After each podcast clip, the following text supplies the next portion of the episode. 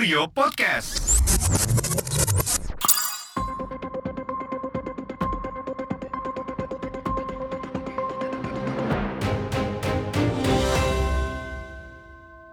Halo teman-teman Kurio, kembali lagi di podcast Sorot.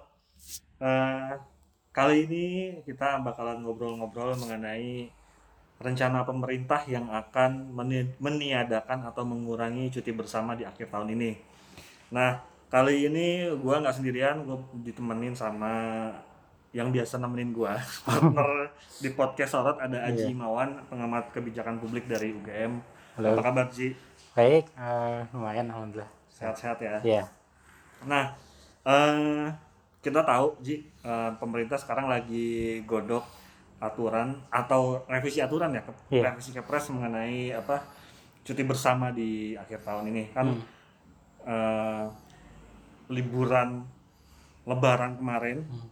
itu kan ditiadakan, Iya. terus kemudian dipindahkan ke akhir tahun ini bareng Hmm. dengan Natal dan Tahun Baru. Nah, karena kasus COVID ini meningkat lagi di Indonesia, Hmm. yang kemarin juga pecah rekor ya, iya. jadi 6.000 kalau nggak salah. Hmm, hmm.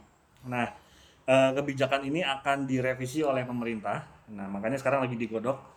Seperti apa kita belum tahu, apakah dikurangi atau dihilangkan sama sekali cuti bersamanya itu. Nah, kalau lu sendiri ngelihat sih, eh, sebetulnya pertimbangan utamanya ini apa sih Ji, pemerintah untuk em, apa namanya merevisi kepres yang udah ditandatangani sebelumnya? Iya, eh, kalau dilihat memang tidak hanya penambahan COVID tapi penyebarannya juga. gitu ya. Hmm. Bahkan sampai ke eh, pejabat-pejabat daerah yang kena COVID. Gitu. Jadi tidak hanya angka yang naik tapi juga sebarannya yang mulai sampai ke perangkat-perangkat eh, pemerintahan dan itu akan mempengaruhi pelayanan publik juga. Nah itu pertama kedua eh, memang eh, kita belum sampai apa namanya eh, periode satu ya apa gelombang satu covid dan kita tidak Belum yang satunya belum selesai. belum selesai gitu dan naik terus bahkan tadi saya aku setuju kalau eh, apa sempat sampai naik sampai 5000 jadi pertimbangan pemerintah itu pertama kenaikan dan penyebaran. Dan ini tentu eh, menjadi catatan juga karena kan di waktu lebaran juga sempat dibilangin akan eh, di akhir tahun. Jadi eh, akhirnya akan diganti ke tahun depan gitu pertama. Kedua eh, ini sepertinya kan karena pekerjaan pemerintah ini tutup tahun ya. Seperti evaluasi tidak hanya pemerintah tapi juga perusahaan. Yang lain nah itu eh, menjadi momentum yang bagus ketika dikurangi semua orang akan fokus kepada evaluasi dan melangkah ke depan karena skenario optimisnya ke depan adalah eh, skenario vaksin dan sebagainya Hmm. dan akan dimulai Januari. Jadi sangat dekat. Jadi kupikir eh, bagus ya dan untuk menekan orang juga tidak pergi-pergi karena sebelumnya juga sudah banyak pelanggaran-pelanggaran yang terjadi. Hmm. Mungkin saya citra ke publiknya ingin mengatakan bahwa COVID itu belum selesai sehingga harus ada masih ada protokol, masih ada dan sebagainya karena kan ini sudah melemah sebenarnya. Bahkan beberapa masyarakat sudah mengalami kelelahan pandemi, nah, kita sudah mengalami kelelahan pandemi dan uh, pada akhirnya protokol tidak jalan dan sebagainya bahkan cenderung lupa. Hmm. Nah ini momentum untuk mengingatkan sebenarnya pemerintah. Uh, iya. Hmm. Jadi Karena kalau gua yakin tuh di masyarakat sendiri juga nggak sedikit tuh yang udah merencanakan mau Iya. ke mana, liburan ke mana, atau Betul. mudik ke mana gitu kan, karena udah tahu gitu dari jauh-jauh hari Iya. eh, akhir tahun ini ada libur panjang. Nah, kalau dari segi efektivitas sih, kalau misalkan kepres ini kemudian direvisi, hmm, itu emang ngaruh ngaruh sih maksudnya eh, untuk menahan laju masyarakat yang supaya nggak ke mana-mana gitu Iya. Ini yang jadi soal ya. Dulu kan kita pernah di Lebaran ya. Kalau berkaca ke tren ya, uh, Lebaran kemarin kita juga sempat nggak ada libur. Hmm. Kayak memang liburnya uh, waktu itu hanya dua hari Lebaran itu saja, habis itu sudah. Itu pun orang beribadah di rumah. Hmm.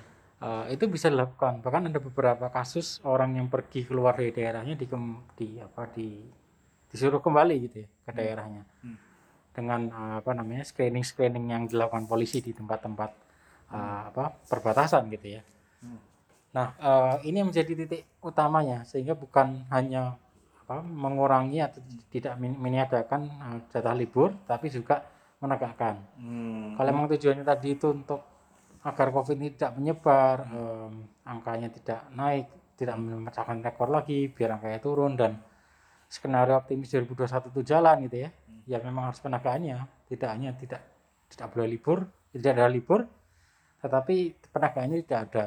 Sama saja kalau orang nanti izin-izin terus pergi dalam tanda petik eh, pergi lokal apa tourism gitu ya, pergi ke wilayah-wilayah yang dekat dengan wilayahnya itu sama aja eh, penyebarannya tetap berkumpul juga sama aja.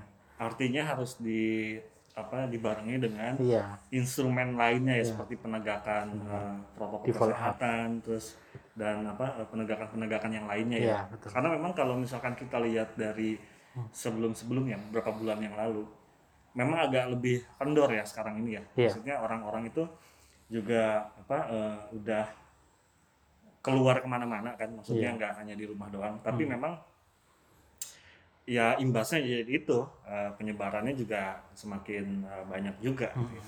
Nah, kalau lu ngelihat Ji, sebetulnya opsi terbaiknya itu seperti apa sih Ji? Apakah kemudian cuti bersama ini memang dihilangkan atau kemudian dipindah lagi ke waktu yang lain misalnya Iya. 2021 atau Iya. atau seperti apa opsi terbaiknya Ji?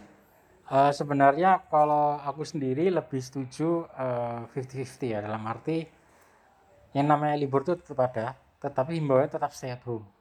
Kemarin ketika lebaran kan juga sempat Ramadan itu kan sempat ada beberapa libur seperti takbiran gitu-gitu ya. Nah, eh, karena orang-orang ini mengalami kelelahan pandemi bukan karena pandemi saja, tapi karena kerja secara online misalnya. Ada beberapa orang mengalami kelelahan gitu ya. Fatigue gitu ya. Zoom fatigue, orang-orang stresnya meningkat, banyak psikolog-psikolog mulai membicarakan hal ini, Eh, sehingga eh, persoalannya bukan terus eh, ber- berpergian atau stay at home, tetapi eh, menjernihkan pikiran gitu ya. Mm. Karena akhir tahun juga sebenarnya momen refleksi tadi yang gue bilang bahwa Iya. Orang mulai berpikir ke depan bagaimana, sekiranya aktivis bagaimana, eh, orang di tempat kerjanya bagaimana gitu, evaluasi semuanya. Iya. Nah ini butuh eh, ruang gitu ya dan dan waktu gitu ya. Mhm. Sementara eh, apa ketika libur itu tidak ada, otomatis secara organisasi pemimpin organisasi menganggap ya ini waktu kerja gitu. Iya. Beda misalnya kalau ada libur tetapi diimbau untuk tetap di rumah Mhm. untuk eh, eh, bersama keluarga di rumah gitu, menjaga keluarga seperti itu. Iya. Iya. Karena yang kalau gua apa baca-baca nih ya di media sosial Hmm. gitu kan. Ternyata work from home ini Ya. juga imbasnya itu lebih kayak kerjaan itu nggak habis-habis gitu.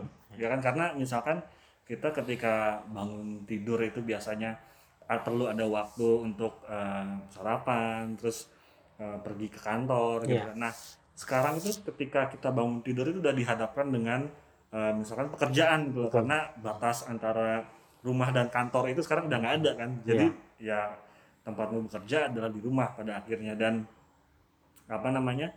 Jadi nggak ada waktu antara ini udah selesai kerja apa belum jadi Betul. nah ini juga sebetulnya yang perlu ditekankan kalau memang eh, hari libur itu ya libur gitu ya. Iya. maksudnya kalau libur di rumah ya di- libur di rumah gitu ya. Artinya tidak tidak mengerjakan sesuatu yang berkaitan dengan pekerjaan atau rutinitas sehari-hari gitu ya. Nah eh, ini sih kalau lu lihat nih sekarang ini kan terus meroket ya Hmm. angka covid itu setelah eh, sebelumnya angkanya masih stagnan gitu kan di Iya. angka itu. Terus kemudian eh, naik lagi dan sekarang tambah naik lagi gitu apa yang salah sih Ji sebetulnya Ji? Eh, kalau dilihat dari sebenarnya sisi kebijakan ya Iya. Kalau dari kebijakan di negara-negara Asia ya, memang cenderungnya negara Asia itu berkumpul gitu ya, Eh, ngobrol bareng dan sebagainya. Jadi sosial, ya aspek sosialnya lebih tinggi. Hmm. Nah, negara-negara yang sukses seperti Vietnam, Singapura, bahkan Singapura sekarang sudah mulai ini sudah mulai hilang kayak tidak ada kasus. ya udah Nah, saya sempat baca juga. menyusul Vietnam menurut dia. Nah itu memang ketat gitu ya. Hmm. Termasuk kalau di Vietnam di eh, Vietnam denda nggak pakai masker 200 ribu masalah. Kalau di Singapura itu wah apalagi Singapura tidak ada pandemi itu sudah ketat gitu. Hmm. Jadi memang Asia ini punya cenderungan harus ketat. Di Taiwan juga aman jauh-jauh hari mereka ketat. Hmm. Hmm. Eh, hanya ada beberapa negara yang memiliki kesadaran baik gitu ya tanpa adanya pengetatan seperti Jepang Hmm. Yang tanpa adanya himbauan memakai masker mereka tetap pakai masker. Nah, eh, ini yang eh, eh, Indonesia termasuk salah satu negara yang punya eh, apa kultur seperti itu. Beda dengan misalnya Swedia yang mereka memang tidak ada lockdown dari awal. Hmm. Tapi angkanya tidak tidak naik karena saudaranya tinggi. Eh, saudara antara kesehatan, welfare-nya itu tinggi. Bahwa jaga jarak sama orang itu bukan karena kesehatan, tapi safety. Misalnya orang menganggap tidak nyaman dan sebagainya di dekat berdekatan sebagainya. Nah, eh, ini eh, penegakan sebenarnya yang jadi masalah dari dulu bagi kita ya. Eh, jadi bukan kebijakannya, tetapi penegakannya memang bermasalah karena kan memang ini adopsinya kan satu ke WHO dari dulu. Tapi ada negara yang sukses, ada yang tidak. Itu kan menggambarkan relasi antara eh, masyarakat dengan pemerintah Hmm. gitu. Dalam hal ini implementasi kebijakan. Nah makanya akhirnya ada isu-isu lain seperti trust gitu kan, akhirnya dan sebagainya karena masyarakat menganggap eh, negara tidak serius, negara menganggap masyarakat itu bandel dan sebagainya. Nah ini diuji sebenarnya Eh, kalau dalam skema eh, kebijakan publik ini governance-nya diuji, pertama untuk masyarakat sama pemerintah gitu.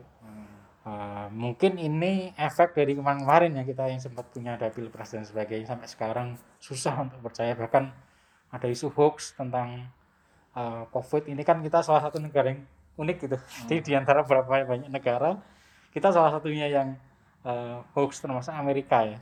Kalau Amerika mungkin karena muatan politiknya tinggi karena di sana juga mirip dengan Indonesia banyak suku dan sebagainya. Um, jadi itu sebenarnya. Makanya tadi aku bilang kalau uh, apa pemotongan hari uh, libur itu harus diikuti dengan penerapan itu. Artinya kebijakan tapi dengan personal siapa yang akan menjalankan kebijakan ini gitu. Hmm. Harus ada proyeknya. Dalam hari ini memang perlu voluntarisme. Kita kan sempat berhasil ya.